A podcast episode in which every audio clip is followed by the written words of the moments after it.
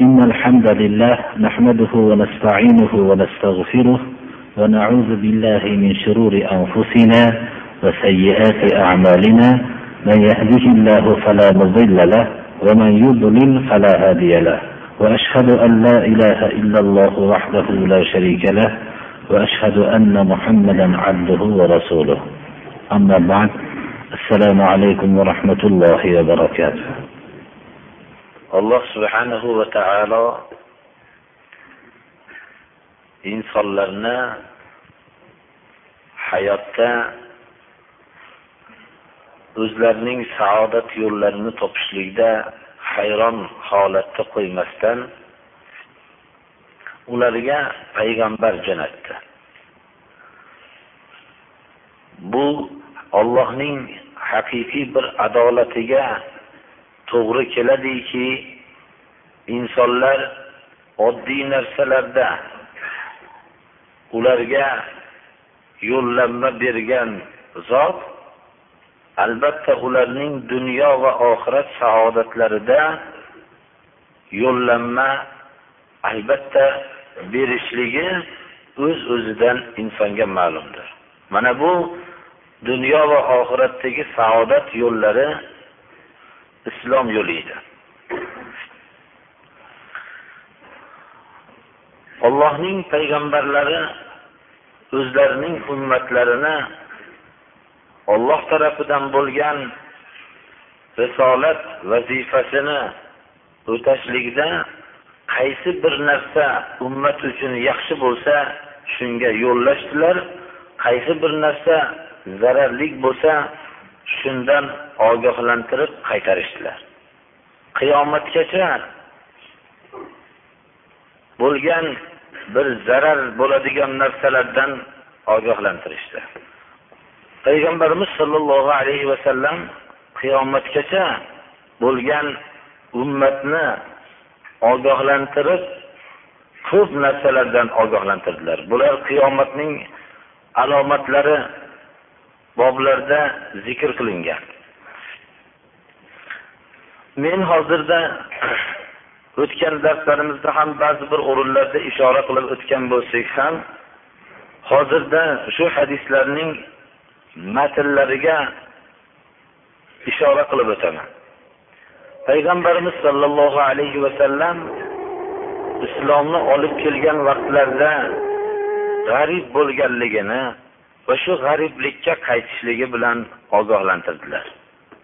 Bismillahi rohmanir rohim إن الإسلام بدأ غريبا وسيعود غريبا كما بدأ وهو يأرز بين المسجدين كما تأرز الحية في جحرها shu g'urbat hadisini yigirmatadan ko'proq sahoba rivoyat qildi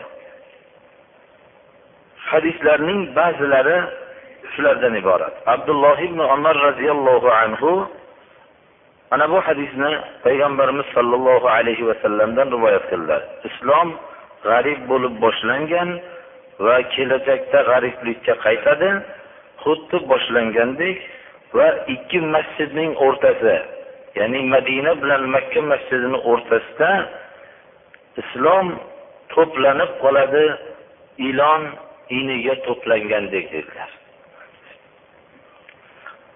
G'urbat hadislarini abu hurayra roziyallohu anhu ham rivoyat qilgan. Bu kishi rivoyatlarida bada al islamu g'ariban va sayaudu kama bada g'ariban fatuba lil g'uraba islom g'arib bo'lib boshlangan va g'ariblikka qanday boshlansa shunday qaytadi va g'ariblarga jannat bo'lsin dedilar.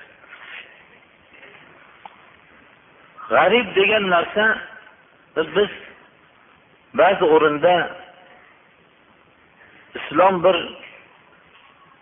rasululloh sollallohu alayhi vasallam olib kelgan vaqtlarda odamlarga ajablanarlik bir tushunilgan. Bu qanday yo'l? Bu butun ajdodlarni yo'lini tashlash degan mazmunda shu g'arib bo'lib ko'ringan. Odamlarga notanish bo'lib ko'ringan bitta ma'nosi. Yana bir ma'nosi shuki g'arib degani islomniga amal qilgan odamlar odamlar o'rtasida g'arib bo'lib yashagan. Uni so'zini odamlar qabul qilishmagan. Va shu g'ariblik belgilariga ishora qiluvchi hadislarda ba'zilarda suol qilinganki g'ariblarning kim ekanligiga fatuba lil g'uraba الذين yuslihuna ma afsada nas min ba'di min sunnati g'ariblar kimlar? Odamlar mendan keyin dedilar rasululloh sollallohu alayhi vasallam buzishgan sunnatlarimni isloh qilib o'nglagan kishilar dedilar. Hamma odam birdan ojiz bo'lib olganda g'aribman deb bu g'ariblarga jannat bo'lsin degani meni haqqimda deyishlikka haqqi yo'q. Magar rasululloh sollallohu alayhi vasallamning bayonlari tafsirlariga tushsa shuni umid qilishligi mumkin. Ya'ni odamlar buzgan meni sunnatimni isloh qilib o'nglagan kishilar dedilar. Islom g'arib bo'lib boshlangan va g'ariblikka qaytadi deb hadis sharifni aytganlarida ba'zi rivoyatlarda abu dardo va abu umoma ibn asqa anas ibn molik roziyallohu anhum ajmain shulardan rivoyat qilingan hadisda payg'ambarimiz sollallohu alayhi vasallam islom g'arib bo'lib boshlangan boshlangandek g'ariblikka qaytadi deganlarda ashoblar qolu ya rasululloh mani va manil g'uraba g'ariblar kimlar? deganlarida aytdilarki odamlar buzilganda ular salohiyatda qolishadi. ollohni dinida unaqa janjal qilishmaydi. Yoyinki ba'zi rivoyatlarda birovlar bilan ollohni dinida murosa qilishmaydi. Keling bu islomda endi mana hukmini bu odamlar qabul qilmayapti bunisini tashlab turaylik degan vaqtda murosa qilmaydi. Bir ma'nosi shu.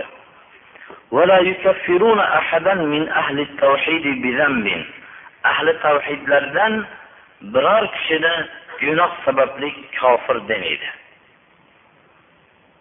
G'ariblar shular dedilar. Demak ahli tavhid shirkdan salomat bo'lgan aqidasi shirkdan pokiza bo'lgan kishilarni birortasini kofirlikka nisbatlamaydi.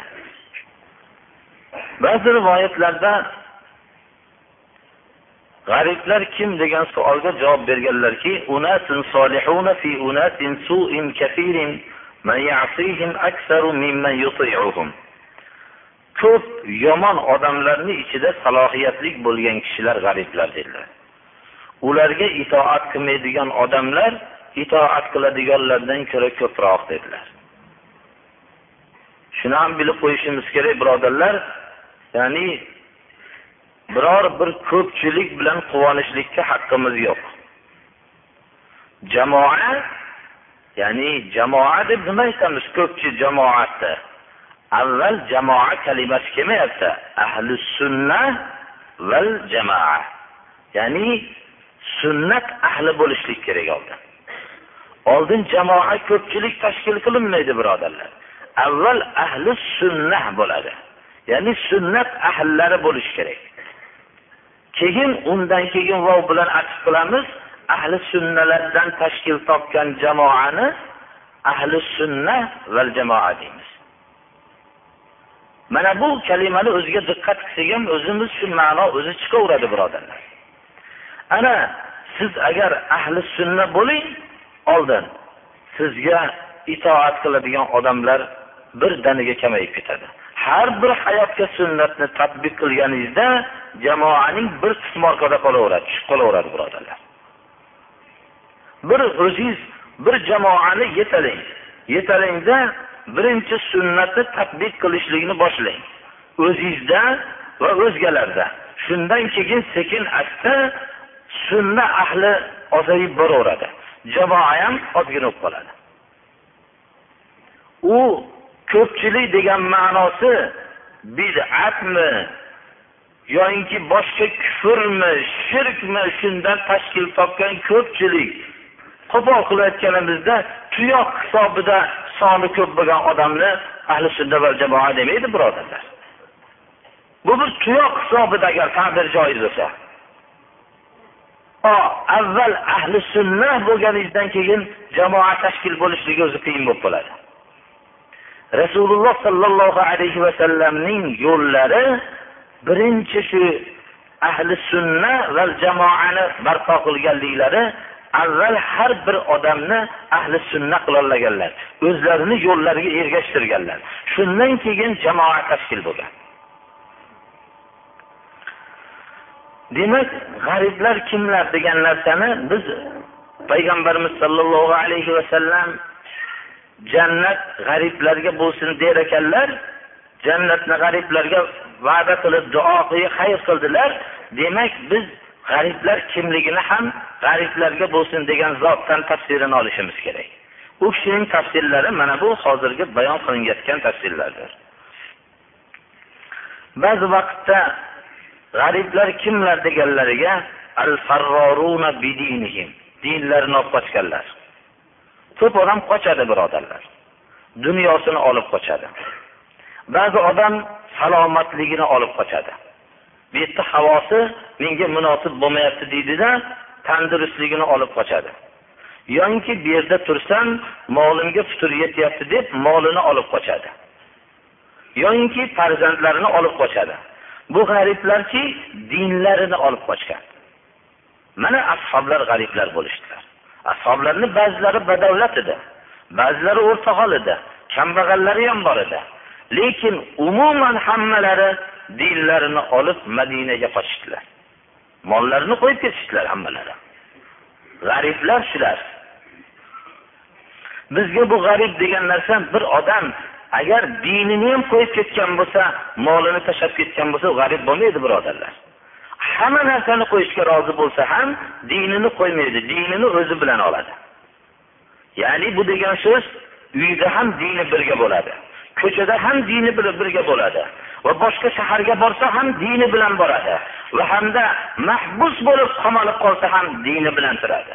Dinini olib qochib yuradi doim. Hamma narsasini qo'yishga rozi bo'ladi. Ammo dinini qo'ymaydi. Mana bu odam g'arib. Chunki hozirgi vaqtda juda ham g'arib bunaqa odam. Odamlar aytadiki bu nodon deydi shuncha molingga deydi axir bir murosa qilsang shu mollaringga putur yetmasdi deydi. U o'zining qalbida juda qiymatbaho narsasi bilan bizga ketayotganligini bilmaydi. Uning uchun o'sha odamga o'xshagan bir g'arib bo'lmoqligi kerak. payg'ambarimiz sollallohu alayhi vasallam dinlarini olib qochganlar deb aytdilarki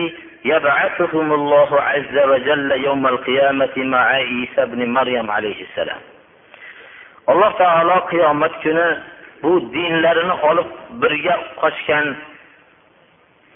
g'ariblarni Isa ibn Maryam bilan qiyomat kuni mahsharda birga turgizadi dedilar. Iso alayhissalom g'arib edilar. U kishi doim dinlarini olib qochib dinlarini olib yurardilar. U kishini bir maskanlari yo'q edi. Qayer kech kirsa shu yerda yotgan ekanlar. Iso alayhissalom doim quvg'inda. Shunday bo'lganlar shu dinlari ammo birga bo'lgan u kishini.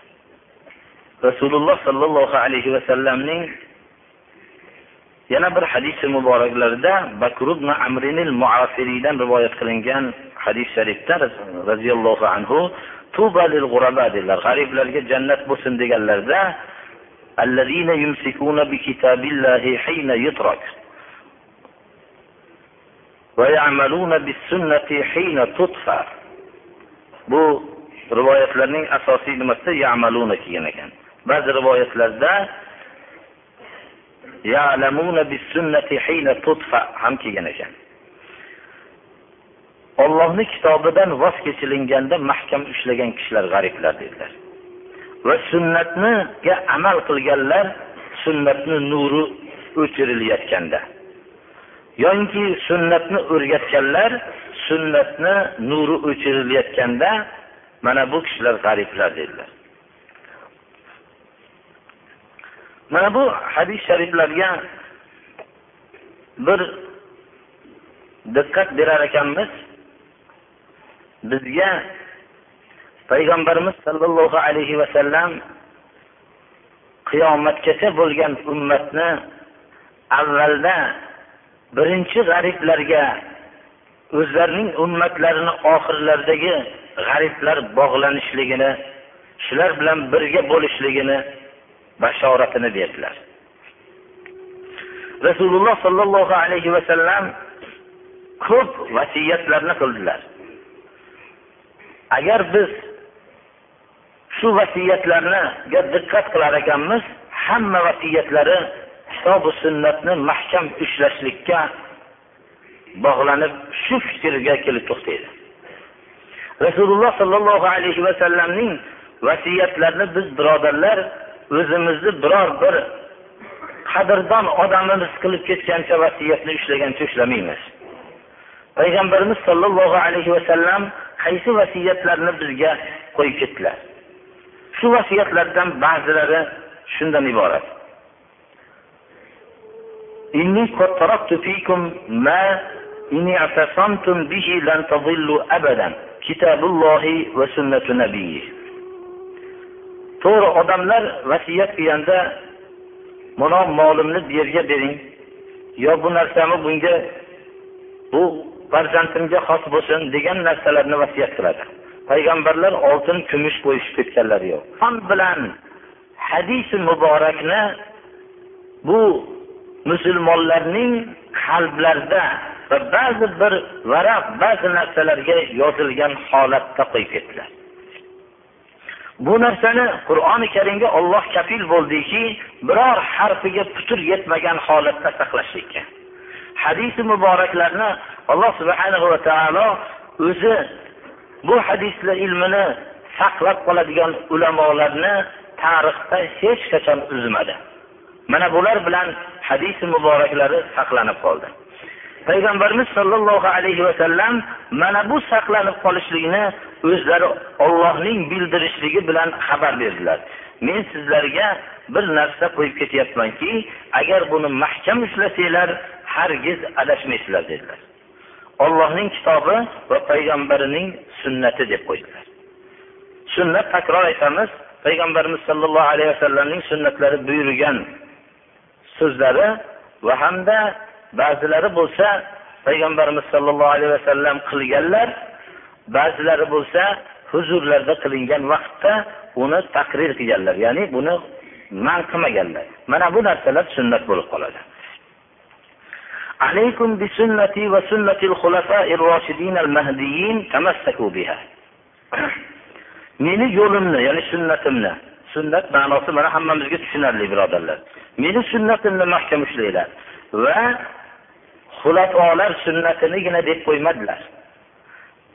Xulafo kalimasini ar roshidin al mahdiyin roshid mahdiy bo'lgan hidoyatdagi ya'ni kitobi sunnat bilan hidoyatlangan kitobi sunnat bilan odamlarga roshid to'g'ri yo'lda bo'lgan xulafolarni sunnatini ushlanglar dedilar xilofat aslida bir ming to'qqiz yuz yigirma to'rtinchi yilda barbod qilindi birodarlar. Islomning ashaddiy dushmanlari tarafidan xilofat bir ming to'qqiz yuz yigirma to'rtinchi yil allohu alam milodiy sanada barbod qilindi.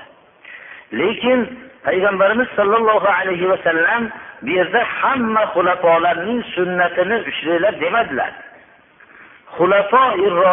Al mahdiyin mayli u keyingi xulafolarni davrlarida qandaydir bir zulm haqiqiy islomni hayotga tadbiq qilishlik bo'lmasa ham bir ming to'qqiz yuz yigirma to'rtinchi yilgacha davom etgan. Mana bu narsa. Endi xulafoi roshidin al mahdiyin bu zamoni saodatdan keyingi xulafoi roshidin abu bakr roziyallohu anhu umar ibn hattob usmon roziyallohu anhu va hamda ali ibn abi tolib roziyallohu anhu va hamda bu umar ibn abdul aziz bu kishi ham xulafoi roshidin al mahdiyin ba'zi bir hadislarda meni yo'limni tutinglar. Ashoblarimni yo'lini tutinglar va ashoblarimga ergashgan kishilarni yo'lini tutinglar va ularga ergashgan kishini yo'lini tutinglar deb davrlarni ham aytib qo'ydilar. Shu mendan keyingi yashagan odamlar ko'p qarama qarshilikni ko'radi deb ogohlantirdilar. Mana bu kalimalarni hammasini biz diqqat bilan ko'rar ekanmiz. Payg'ambarimiz sollallohu alayhi vasallam o'zlarining risolat vazifalarini to'la o'tab hamma narsani bayon qilib qo'ydilar. Payg'ambarimiz sollallohu alayhi vasallamga va anzir aqrabin o'zingizni yaqin qarindoshlaringizni ollohni azobidan ogohlantiring degan oyat hodisatan chiqdi.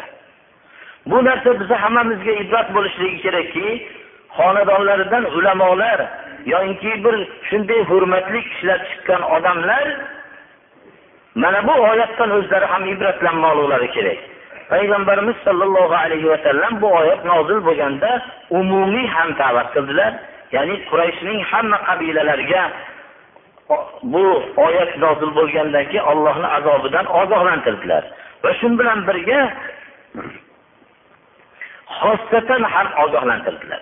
Hatto shu darajada xossatan ogohlantirdilarki alohida quraysh qabilalarini birma bir ogohlantirganlaridan keyin ya fatimatu bintu muhammad salini min mali ma shi'ti la ughni anki min allohi shay'a. Ey fotima muhammad alayhissalomni qizi fotima xohlagan molimni so'rang men beraman dedilar. Menda bor molni xohlaganini so'rang bu meni mulkim meni imkoniyatimda bor narsa men beraman. Ammo sizga ollohdan bir narsani olloh tarafidan yuborilgan narsani sizga qaytara olmayman ya'ni azob bo'lsa buni men qaytarishlikka qodirmasman dedilar. Bu hammamizga bir ibrat bo'lmoqligi kerak.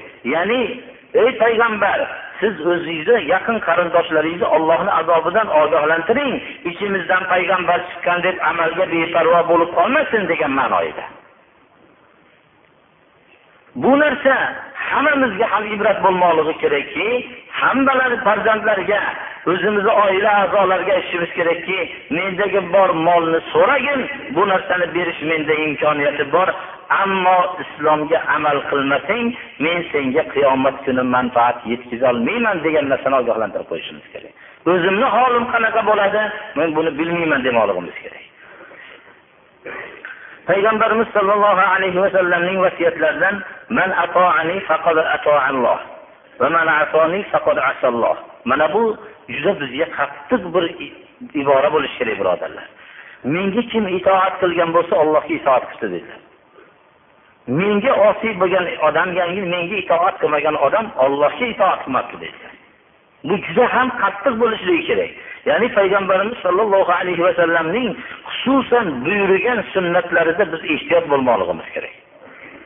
فليحذر الذين يخالفون عن أمره أن تصيبهم فتنة أو يصيبهم عذاب أليم rasulini buyrug'iga qarama qarshi ish qilgan odamlar yo fitna yetishidan yo alamlantiruvchi azob yetishligidan ehtiyot bo'lishsin dedilar mana bu oyat bizga shunday payg'ambarimiz sollallohu alayhi vasallamning vasiyatlardan la tutruni kama atratin nasara ibn maryam fa innama ana abdun faqulu abdullohi va rasuluh.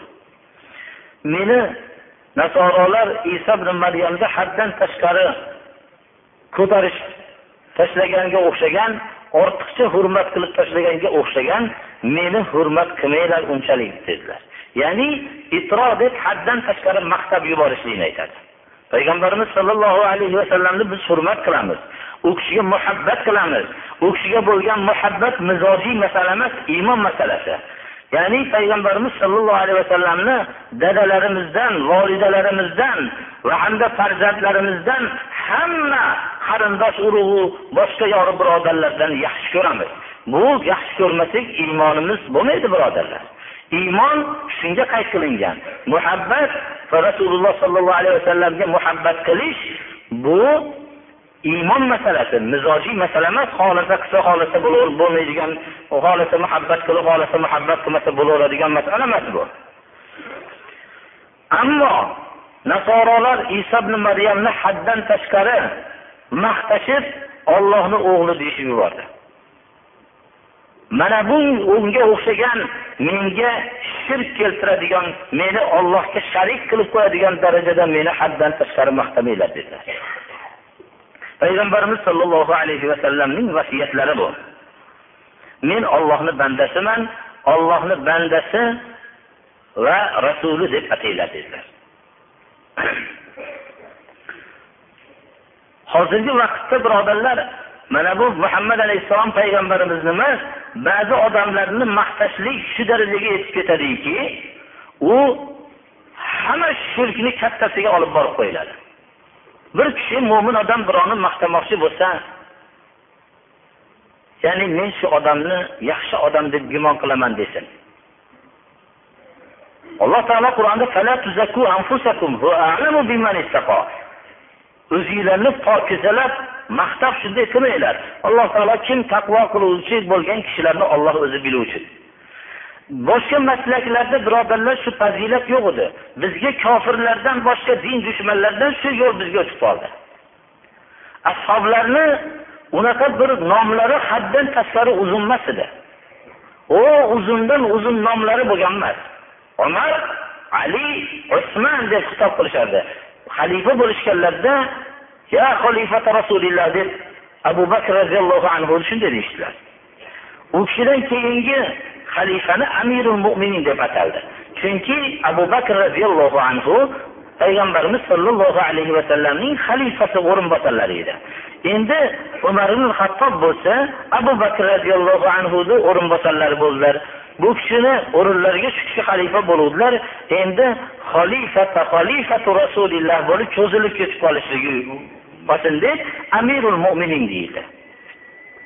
Keyingilari xolifatu xolifati xolifati rasulilloh bo'lib qoladi shuning uchun amirul mo'minin deyildi. Amirul mo'minin umar deyishadi u uzundan uzun nomlar cho'zilib ketishlik ashoblar davrida bo'lmadi. Bu maqtashlik hech qanday foyda bermaydi. Dedilar. Haddan tashqari maqtovchilarning yuzlariga ba'zi rivoyatlarda afroh og'izlariga turpoq sepiladilar ba'zilar shu zohir hadisni olib turib bundan murod man qilinglar deganligi deyilmadida demasdan zohiriga olib turib maqtagan odamlarga olib shu buyruqni bajargan bo'lay deb tuproq olib sepishdilar. Ammo keyingi davrda birovni maqtab ham qutulmay qoldingiz birodarlar. Maqtasangiz menga hasad qilishsa hamma maqtovimni aytmayapsan sifatlarini deydigan bo'lib qoldi. Ana shuning uchun bu maqtovlar foyda bermadi hech qanday bu maqtov insonni buzadi. Boshqa maslaklardan bizga birodarlar bu kirib qolgan.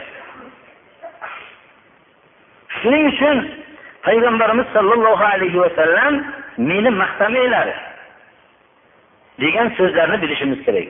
Ba'zi bir odamlarga bu hadisni aytilsa ba'zi hurmatli odamlar bu nihoyatda bir tadbir meni maqtamanglar desa odamlar maqtaydi kamtar ekan deb deydi. Ho'p ular ham qilib ko'rsinchi qani meni maqtamanglar desinchi shu ustalikni qilsin ular ham bo'lmasa. Lekin ular bu narsani qilolmaydi. Maqtashlikka mukofot bermasa birov maqtamaydi birodarlar hozirgi vaqtda. Ana shuning uchun payg'ambarimiz sollallohu alayhi vasallam mana bu joyda bizga nihoyatda katta yo'llanma berdilarki bu narsalar bu maqtovlar emas bu quruq maqtov bilan. Hozirgi vaqtda mana savol ko'p menga xat yoziladi men buni minbardan javob bermoqchilik nima edi? Ko'p payg'ambarimiz sollallohu alayhi vasallamni hurmatlarini ko'p odamlar o'rindan turishlik bilan yoyinki bir u kishini maqtovlari bo'lganda tug'ilganliklari xabari o'qilinganda o'rindan turishlik bilan qilmoqchiveradi ham ziyofatni yesangiz yana hazm qilib turib yana olsangiz mana shu narsa bilan rasululloh sollallohu alayhi vasallamga muhabbatni ko'rsatish bo'lsa juda oson bo'lgan bo'lardiyu unda. Lekin u muhabbatni u bilan isbotlashlik emas. Rasululloh sollallohu alayhi vasallamni sunnatlariga amal qilishlik bilan isbotlash kerak. Bu qiyin bu narsa. Shuning uchun bu narsadan hamma voz kechadida juda oddiy narsalar bilan payg'ambarimiz sollallohu alayhi vasallamga hurmat ko'rsatmoqchi bo'lishadi. Payg'ambarimiz sollallohu alayhi vasallamning vasiyatlaridan hamma vasiyatlari poymol qilinganga o'xshagan mana bu vasiyatlari ko'p poymol qilingan. Yahudlarni olloh qatl qilsin. Payg'ambarlarning masjid mana bu vasiyatlari ko'p poymol qilingan.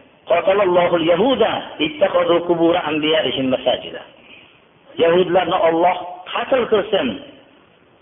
Payg'ambarlarning masjidlarini payg'ambarlarning qabrlarini masjid qilib olishgan dedilar.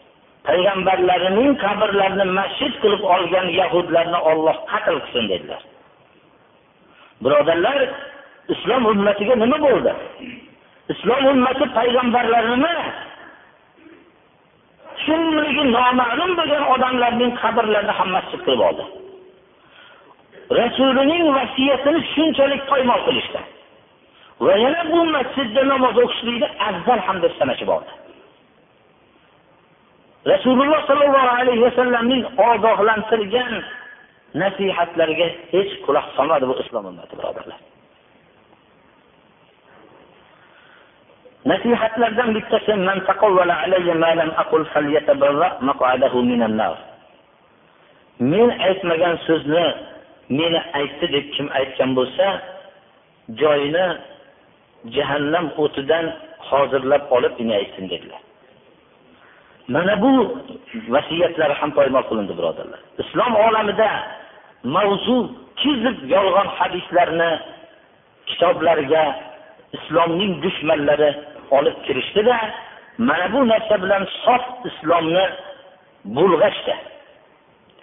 Allohga hamdlar bo'lsinki haqiqiy muhaddis ulamolarni alloh subhanahu va taolo o'zini dinini muhaddis ulamolar bilan himoya qildi. Sahih hadislar saqlanib qoldi. Lekin ming afsuslar bo'lsinki ko'p mana ko'p kitoblarda ham u hadisning sahihligi sahih emasligi e'tiborga olinmasdan yolg'on hadislar bilan nihoyatda to'ldi birodarlar. Shuning uchun mana bir doim alloh subhanahu va taolodan qo'rqqanligimizdan mana shu hadisni o'qiganimizdan boshlab hadislarni biror bir harfini tushirmasdan shuni to'g'ri o'qishlik uchun shu doim hadislarni kitobga qarab o'qib berishligini odat qilishligini boshqalar ham deb o'shani o'qib berishligimizni siri ham shu birodarlar. Biror bir harfni buzib qo'ymaylik degan bilan. Chunki hadisni payg'ambarimiz sollallohu alayhi vasallam aytgan aytmagan so'zlarini aytdilar deb aytilsa joyini jahannam o'tidan hozirlab olsin shu odam.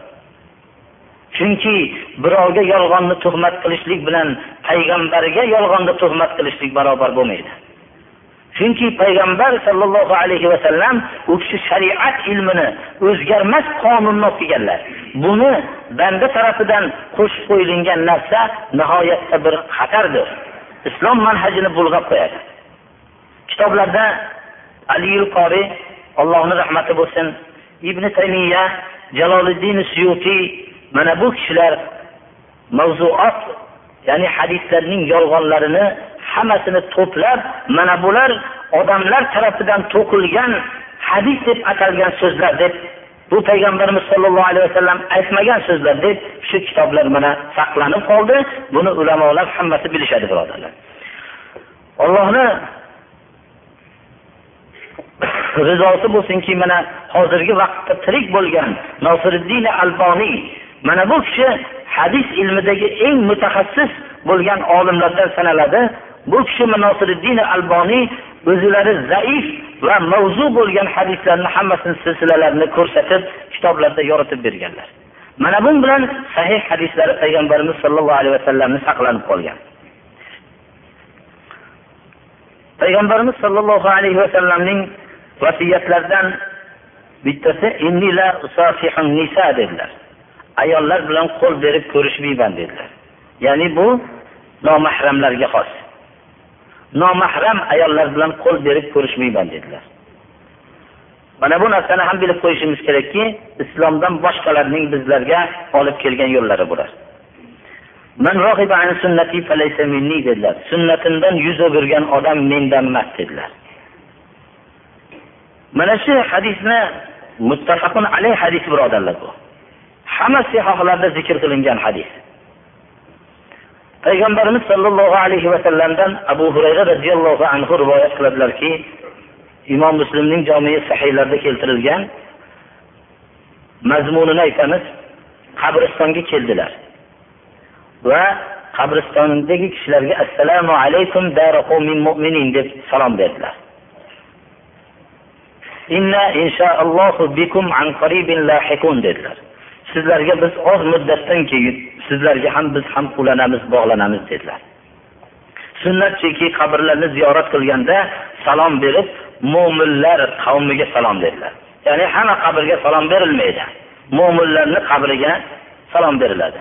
Boshqa mo'min bo'lmagan islomni buyruqlarini qilmagan kishilarning qabriga salom salom Allohning rahmatidir birodarlar.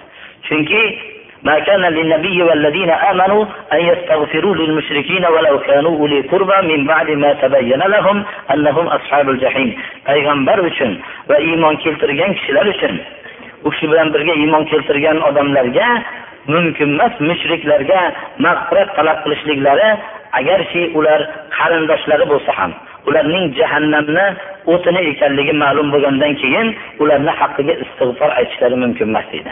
Istig'for aytgani bilan foydasi ularga bo'lmaydi lekin aytgan odam olloh man qilgan narsani qilgan bo'lib gunohkor bo'lganligi qoladi xolos.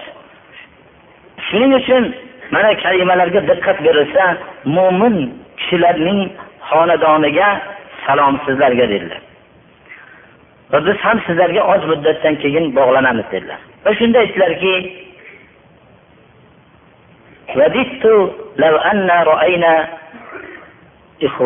dedilar. Qaniydi bir birodarlarimizni ko'rganimizda shuni do'st xohladim dedilar. Shunda ashoblar birga edilar so'rashdilarki yo rasululloh biz sizni birodarlaringiz emasmizmi? dedilar shunda aytdilarki sizlar mening ashoblarimsizlar dedilar. Ashob ya'ni birga bo'lgan kishilarni ashob deydi.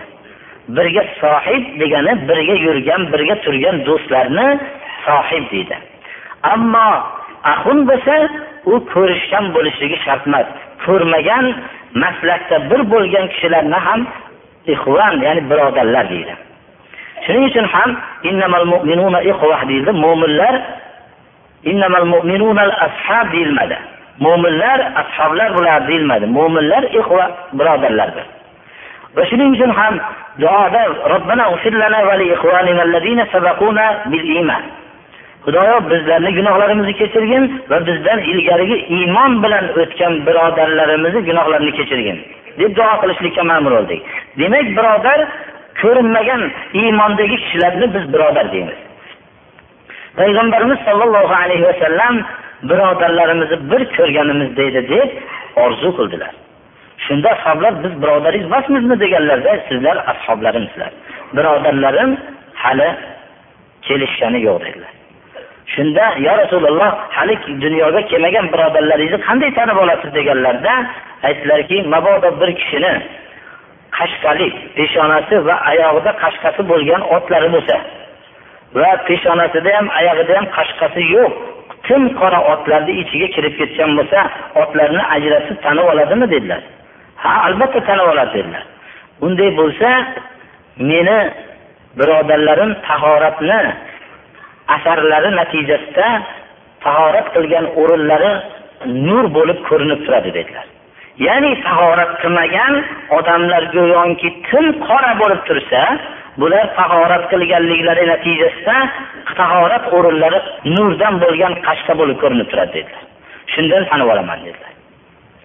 Men ularning havzi kavsarda kutib turuvchi avval borib turuvchi kishisiman dedilar. Aytdilarki havzi kavsardan ko'p kishilarni qaytarib surib haydaladi xuddi adashgan tuyani haydalganga o'xshagan dedilar. Shunda men ularga nido qilib chaqiramanki qani bu yoqqa kelinglar deb chaqiraman dedilar. Shunda menga xitob qilinadiki sizdan keyin diningizni o'zgartirib yuborgan bu odamlar deyiladi. Men aytamanki sohqan sohqan yo'g'ilishsin bo'lmasam deb havzi kavsardan uzoqqa ketishsin deb duoyi bad qilaman dedilar.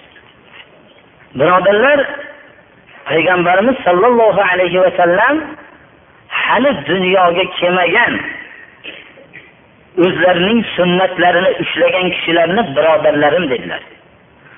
Biz har qancha payg'ambarimiz sollallohu alayhi vasallam deb ming tillarimizda u kishini nomlarini eshitganda salavotlar aytsaku u kishi ummatim demasa bizga foydasi yo'q buni. U kishi birodarlarim dedilar. Kimni aytyaptilar? Sunnatlarni mahkam ushlagan kishilarni. Shu o'rinda shu narsani keltirish munosibki umar ibn hattob roziyallohu anhu umraga chiqib ketayotganlarida payg'ambarimiz sollallohu alayhi vasallam aytdilarki ey birodar duoda esdan chiqarib qo'ymang dedilar. Umar ibn hattob ikkinchi xalifamiz shunchalik martabalari olloh o'zi biladi qanchalik martabalarni balandligini. Islomda adolat qilgan rasululloh sollallohu alayhi vasallamning sunnatlaridan zarracha siljimagan kishi shu meni birodar deb ataganlari uchun dunyoni hammasi bo'lganligidan ko'ra shu so'zlari menga qimmatli turadi dedilar. Meni birodar dedilar deb birodarlar payg'ambarimiz sollallohu alayhi vasallam sunnatlarni ushlab hali ko'rmagan kishilarni umar ibn hattobni qatoriga qo'yib turib birodarlarimni bir ko'rsamidi dedilar. Mana bu narsani biz tushunishimiz kerak. Biz qayerga ketayotganligimizni bilishimiz kerak mana bu so'z bilan.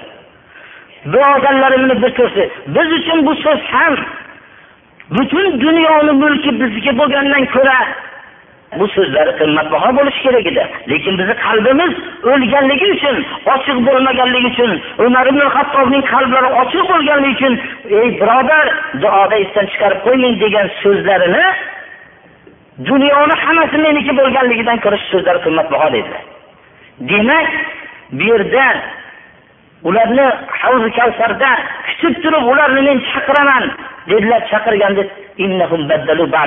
sizdan keyin diningizni o'zgartirib yuborgan bu odamlar deganda soxtan soxtan yo'qolsin bo'lmasam deyman dedilar. Inson shunday joyda shunday ulug' joyda havli kavsarni huzurida butun rahmatan lil alamin sayyidul bashariya sayyidul ambiyo shunday chaqirib turgan soatda haydalishligini ko'zdan kechirib qo'ysin. Rasululloh sollallohu alayhi vasallamning dinini o'zgartirib boshqacha talqin qilayotgan odam. Mana bu bilib qo'yish kerakki islom nimaga buyurgan bo'lsa hech bo'lmaganda buni aytishlikni saqlab qolishimiz kerak. Mana bu soatda payg'ambarimiz sollallohu alayhi vasallam o'zlarining qabristonda turganlarida shu yerda ollohning ilmi azalisi bilan bu kishiga bildirdilar mana bu bilim bilan u kishi duoyi bas qilib qo'ydilar shuda biz dinni o'zgartirib qo'yishlikni men g'urabo hadisiga shuni bog'lab gapirayotganligim shuki mumkin ba'zi bir kishilar hali biz hech g'urabo bo'lganimiz yo'q birodarlar. Islom yo'lida biz hech qanday qiyinchilik topganimiz yo'q biz. Bizni odamlar hurmat qilyapti. Biz hali xorlikni topganimiz yo'q. Sunnatni ihyo qilish yo'lida hali biz so'kishlar boshqa kaltaklar birontasini biz hali eshitganimiz yo'q birodarlar. Ammo shu dinni o'zgartirgan odamlar nihoyat darajada xorlanadi. Jannatda xorlanadi. Alloh subhanahu va taoloning rasuli tarafidan duoyi bad qilingan kishilar bular. Bularga gap ta'sir qilmaydi hech qachon. Chunki rasulini duoibasiga uchragan odamlar. Dinni o'zgartirgan odamlarga ovora bo'lmang ularni gapirib tushuntiraman deb. Ular hech qachon ovonmaydi. Chunki ular rasulining so'zi bilan havzi kavsardan haydalgan odamlar. Xuddi adashgan tuyani haydalanishidek shuning uchun payg'ambarimiz sollallohu alayhi vasallamning mana bu so'zlari meni sunnatimdan bosh tortgan odam mendan emas dedilar. Ana shu mendan emas ekanligini hozir shu degan so'zlarini hozir tushunmasa yaqin kelajakda tushunib qoladi. Sizlarni ham payg'ambarimiz sollallohu alayhi vasallam aytgan g'ariblardan qilsin. O'zimizcha u g'aribman deb olmaylik ana shu jannat shu g'ariblarga bo'lsin deganlari mana men avvalgi darsimizda bir qisqacha aytib qo'ydim. Haqiqatda bu sunnatni ihyo qilayotgan odam o'zi kurashgan odam bu g'ariblik lazzatini tatiydi. Lekin bu g'ariblik aslida azizlikdir bu. Rasululloh sollallohu alayhi vasallam qayerda mo'min kishi vafot qilsa g'urbat yerida uning g'amgin bo'lib yig'laydiganlari bo'lmagan joyda vafot qilsa osmonu yer yig'laydi dedilar. فما بكت عليهم السماء والأرض وما كانوا منظرين shu oyatni o'qib qo'ydilar osmonu yer kofirlarga yig'lab ham qo'ymaydi ya'ni mo'min odam g'urbat yerida vafot qilsa uni g'amgin bo'lib uni hech kimi yo'q bo'lgan odam turgan vaqtda osmonu yer unga yig'laydi birodarlar payg'ambarimiz sollallohu alayhi vasallamning bu so'zlaridir shuning uchun bu g'urbat bu izzatdir ibn taymiya o'zlarining hayotlarida yigirma to'qqiz yil hammasi bo'lib mahbus bo'lib yashaganlar. Bu kishining habsxonaga kirib ketayotganligini odamlar ko'rishib bu kishi go'yoki u uydan bu uyga kirib ketayotgandek tasavvur qilishar ekan. U kishi hech bir habsxonaga kirganliklarini hisob qilmas ekanlar. Shu bilan shu vaqtda birodarlar namoz o'qigan ro'za tutgan odamlar shularni habs qilgan. Lekin ular sunnatni ihyo qilishlik uchun hayotini sarf qilgan zotlardan bittasi ibn taymiya hisoblanadi. Allohni rahmati bo'lsin. U kishini islom olamiga qilib ketgan xizmatlarini misli yo'qdir birodarlar. Mana bu yigirma to'qqiz yil hamma oxirgi vafotlari ham hibsxonada bo'lgan. Bu kishi hibsxonaga kirganlarida shunday kiriblar shu oyatni o'qib qo'yar ekanlar.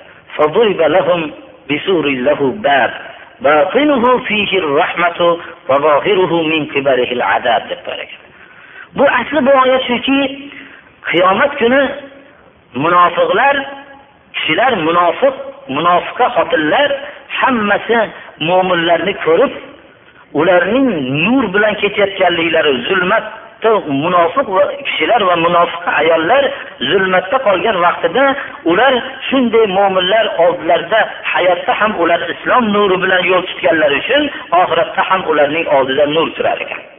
Ey sizlar bilan birga yurardik nuringlardan bir ozgina beringlar desa yo'q biz sizlar biz bilan yurganinglar bilan qalbinglar boshqa edi deb xitob qilinar ekan. Bular bilan sizlar zohirda birga bo'lganinglar bilan boshqa odam bo'lgansizlar deb shunda ularni o'rtasiga sur urilar ekan. Ya'ni bir katta bir to'siq paydo bo'ladi. Uni botini ya'ni ichi mo'minlar turgan tarafi rahmatu zohiri bo'lsa tashqarisi azob bo'lar ekan. Bu kishi hibsxonaga kirishlari bilan shu oyatni o'qib turar ekanlar rahmat bor joyga kirdim o'rtamiz to'sildi munofiqlar tashqarida qoldi deb qo'yar ekanlar ana u kishi ollohni zikri bilan ollohni buyrug'i bilan shunday shunday yashagan ekanlarki men rahmat o'rtada bir devor urildida ichi rahmatu tashqarisi azob qoldi deb qo'yar ekanlar. Ya'ni munofiqlar qoldi tashqarida. Olloh meni munofiqlar bilan birga yashashligini iroda qilmadi. Olloh meni baxtli qildi deb qo'yar ekanlar. Ollohni ya'ni eng katta bir rohati ollohni zikridir birodarlar. Har bir zikr degani har bir ishni olloh buyurgandek yashashlik bu lazzatni alloh taolo hammamizga ham bir nasib qilsin. Bu lazzatni bir tatigandan keyin inson boshqa narsalarni hammasini o'zi bilan boshqalar o'rtasida to'siq borligini bilib qoladi birodarlar. Xayr bir savollar dengizi bo'lib ketishdi birodarlar. Savollar birodarlar ko'p bir yuzaki nihoyatda bir sayoq savollar berilgan. Masalan yosinni xosiyatlari unaqa bunaqa bunaqa unaqa degan narsalar yozilibdi birodarlar. Biz yosinda agar tirikligimiz yaxshi yuradigan uchun yosinda o'qishimizni ham shunaqa chiqarib yubormaylik birodarlar. Biz yosinda ollohning kalomi deb o'qiveraylik bizga shu yosindan bo'ladigan nima xosiyat bo'lsa bizga nasib bo'ladi. Ammo shunaqa maqsadlar qilib o'qilinsa u narsa bittasi ham muyassar bo'lmaydi birodarlar. Mabodo muyassar bo'lsa shu odamlar hali bir so'z borki baxil agar oyati bo'lmaganda qur'onga ham iymon keltirmasdi. Isrof qilmanglar degan bahona bilan shu baxilligini isbotlab yuradi deydi.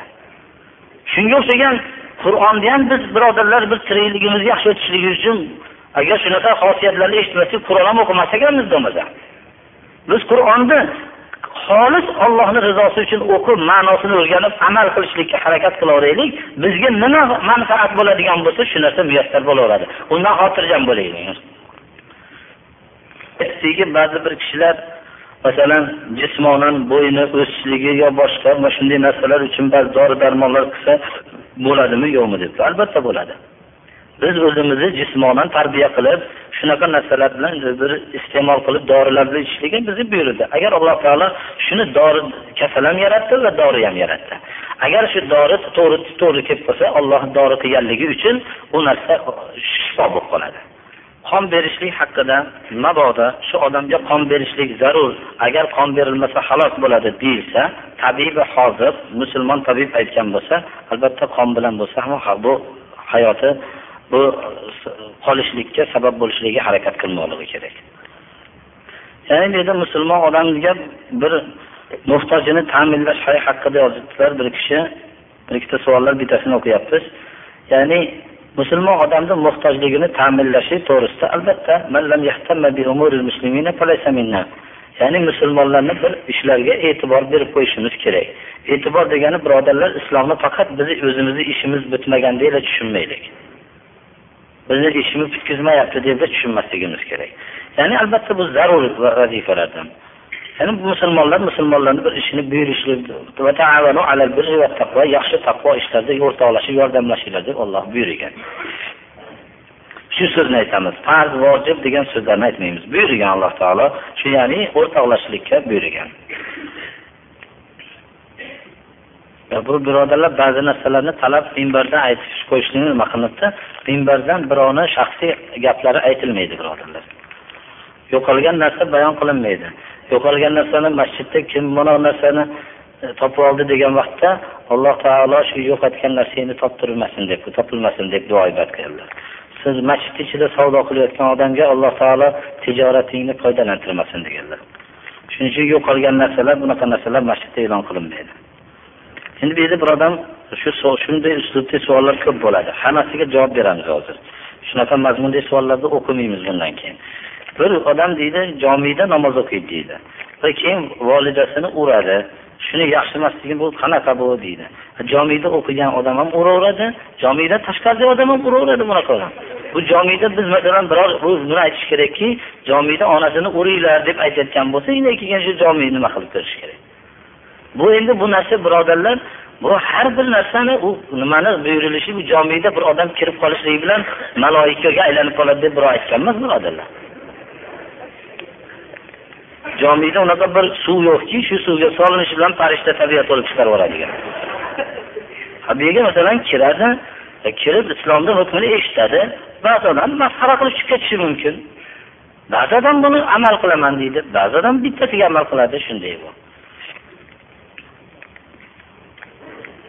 Bu savollar borki birodarlar mana o'zi bir bu jomiyda namoz o'qiydiyu mana yo kelini olib turib kelinga javob berib yubordi yoki o'g'lini uylab turib o'g'lini ajratib yubordi shunga o'xshagan o'zi jomiyda namoz o'qiydi degan savollar kelib qoladi. Hammasiga shu javob shu birodarlar. Endi bir kishi bir hadisni nima qilibdilar? Hadis sharif borki buni cholasi ham qolibdi eng yomon odamlar mazmuni shuki eng yomon odamlar ikki toifa odamlar deganlar. Birinchi qabristonlarga masjid qurgan odamlar eng yomon odamlar va ikkinchisi qiyomat bo'lganda tirik qolgan odamlar deyilgan. Ya'ni duolarni ichida xudoyo qiyomat bo'lmasdan meni dunyodan jonimni olgin deb duo qilib yurishlik kerak. Qiyomat vaqtida yerda ollohni zikr qiladigan la ilaha illalloh muhammadu rasululloh kalimasini aytadigan odam qolmaydi. Alloh taolo bunaqa odamlarni hammasini pokiz odamlarni vafot toptiradi va keyin qiyomat bo'ladi. Qiyomat bo'lgan vaqtda tirik qolgan odamlar eng yomon odamlar bo'ladi va qabrlarga masjid qurgan odamlar ham eng yomon odamlar deb ikki toifani aytdilar ba'zi shu qabrlarga masjid qurishlik xato deb aytsak oldingi olimlar aytmaganu deb qo'yishyapti ko'plari. Endi oldingi olimlar aytmagan bo'lsa payg'ambarimiz sollallohu alayhi vasallam aytganlar biz endi shu kishini payg'ambarimiz sallallohu alayhi vasallamga muhammadu rasululloh deb iymon keltirib qo'yibmiz. Shuning uchun shu kishini so'zlarini olishimiz kerak bo'lib qoldi. Shuning uchun aytyapmiz endi biz ham aytmasak falonchi olim ham bo'lib aytmagan deydi. Uni o'rniga biz aytib qo'yaveraylik bu hozirgi tiriklar qilmasa ham bizni hozir hurmatimiz bo'lmasa ham o'tib ketgandan keyin bir hurmat qiladigan odamlar chiqib shu so'zni qabul qilib shunga amal qilishib qoladi. Mana hozir ham tirik bo'lgan odamlarni o'tib tiriklik vaqtida bironta aytganini qilganmas shu olimlarda. Lekin aytganni qilganmasu o'tib ketgandan keyin aytmagan deb turishadi u olimlarni aytganligini agar qilganda ancha tuzgadan bo'lib qolardi bizni millat bu shahmat narda o'ynaganlarga Alloh la'nati bo'lsinmi degan hadis bormi deyapti. Men bu hadisni ko'rmaganman. Bo'lmasa kerak vallohu alam. Lekin kim narda o'yinini o'ynagan bo'lsa, ya'ni narda qimor o'yini bo'lgan, shuni o'ynagan bo'lsa, qo'lini go'yoki to'ng'iz go'shtiga tekkizibdi deganlar. Ya'ni bu degan so'z birodarlar, mabodo e, bir bu, so'zni misolini hozirgi odamlar hatto to'ng'iz go'shtiga qo'lini tekkizish narsa qilmaydi, uni maza qilib yeyapti ko'p odam deydi. Buni mo'min odam qalbi bilan tushunsa, u to'ng'iz go'shtiga qo'lini tekkizdi deganda titrab ketadi. Ya'ni u degan so'z harom narsaga, go'yoki hozirgi odamlarga tushunarli qilish uchun bir odam narda o'ynagan bo'lsa, barmog'ini o'zini najasiga tiqibdi degan desa, ana shunday yaxshi tushunishadi. Ana shunday. Buni shunday tushunishimiz kerak mana. Mo'min odamlar to'ng'iz go'shtiga qo'lini tekkizibdi deganda o'zi u albatta bu narsani tashlaydi mana. odamdan shirk amali sodir bo'lgan bo'lsa, aniq ko'rgan bo'lsa, shunga iqtido qilish durust emas, birodarlar. Lekin boshqa odam uni ko'rmagan bo'lsa, uni biz noto'g'ri ish qilyapti deyolmaymiz. Ko'rgan odamga sobit bo'ladi, iqtido qilmaslik kerak. Yeyilgan ovqat bilan sunnat namozini ba'zi kishilar so'radilarki, sunnat namozini uyda o'qigan bo'lsa, shuni kelib tahiyatul masjid sig'inaydi deyapti. Tahiyatul masjid o'qish kerakmi degan savol bor. Biz shu hafta ertalabki namozda mabodo bir kishi bir kishi tahiyatul masjidni ertalabki vallohu alam sunnatul fajr ikki rakat sunnatul fajrdan boshqa namoz yo'q subh vaqtida shunga binoan shu ikki rakat sunnatni uyda o'qigan bo'lsa bu yerda tahiyatul masjid o'qimay turadi shu shu hadis shunga bo'ladi endi boshqa nimalar haqida bo'lsa ozondan boshqa bizni diyorlarimizda boshqa surat topilmaydi birodarlar. Chunki bizlarda ko'proq kishi namozga azon aytilishi bilan uyda sunnatni o'qib chiqadigan bo'lsangiz farzim o'qib bo'lganligidan keyin keyin kelasiz. Boshqa namozlar shunday bo'ladi albatta. Bu shuning uchun mana shu ertalabki namozda so'raladi ko'proq. Ertalabki namozni sunnati uyda o'qilgan bo'lsa o'rtada boshqa namoz o'qimay turiladi vallohu alam. Xuddi uxlab qolgan bo'lsa birodarlar bu uxlab qolgan odamligi namozi uzrdir u bilan imomga o'tsa bo'ladimi debdilar albatta o'tsa bo'laveradi. Ya'ni uxlab qolgan odamga endi uzr bo'ladi.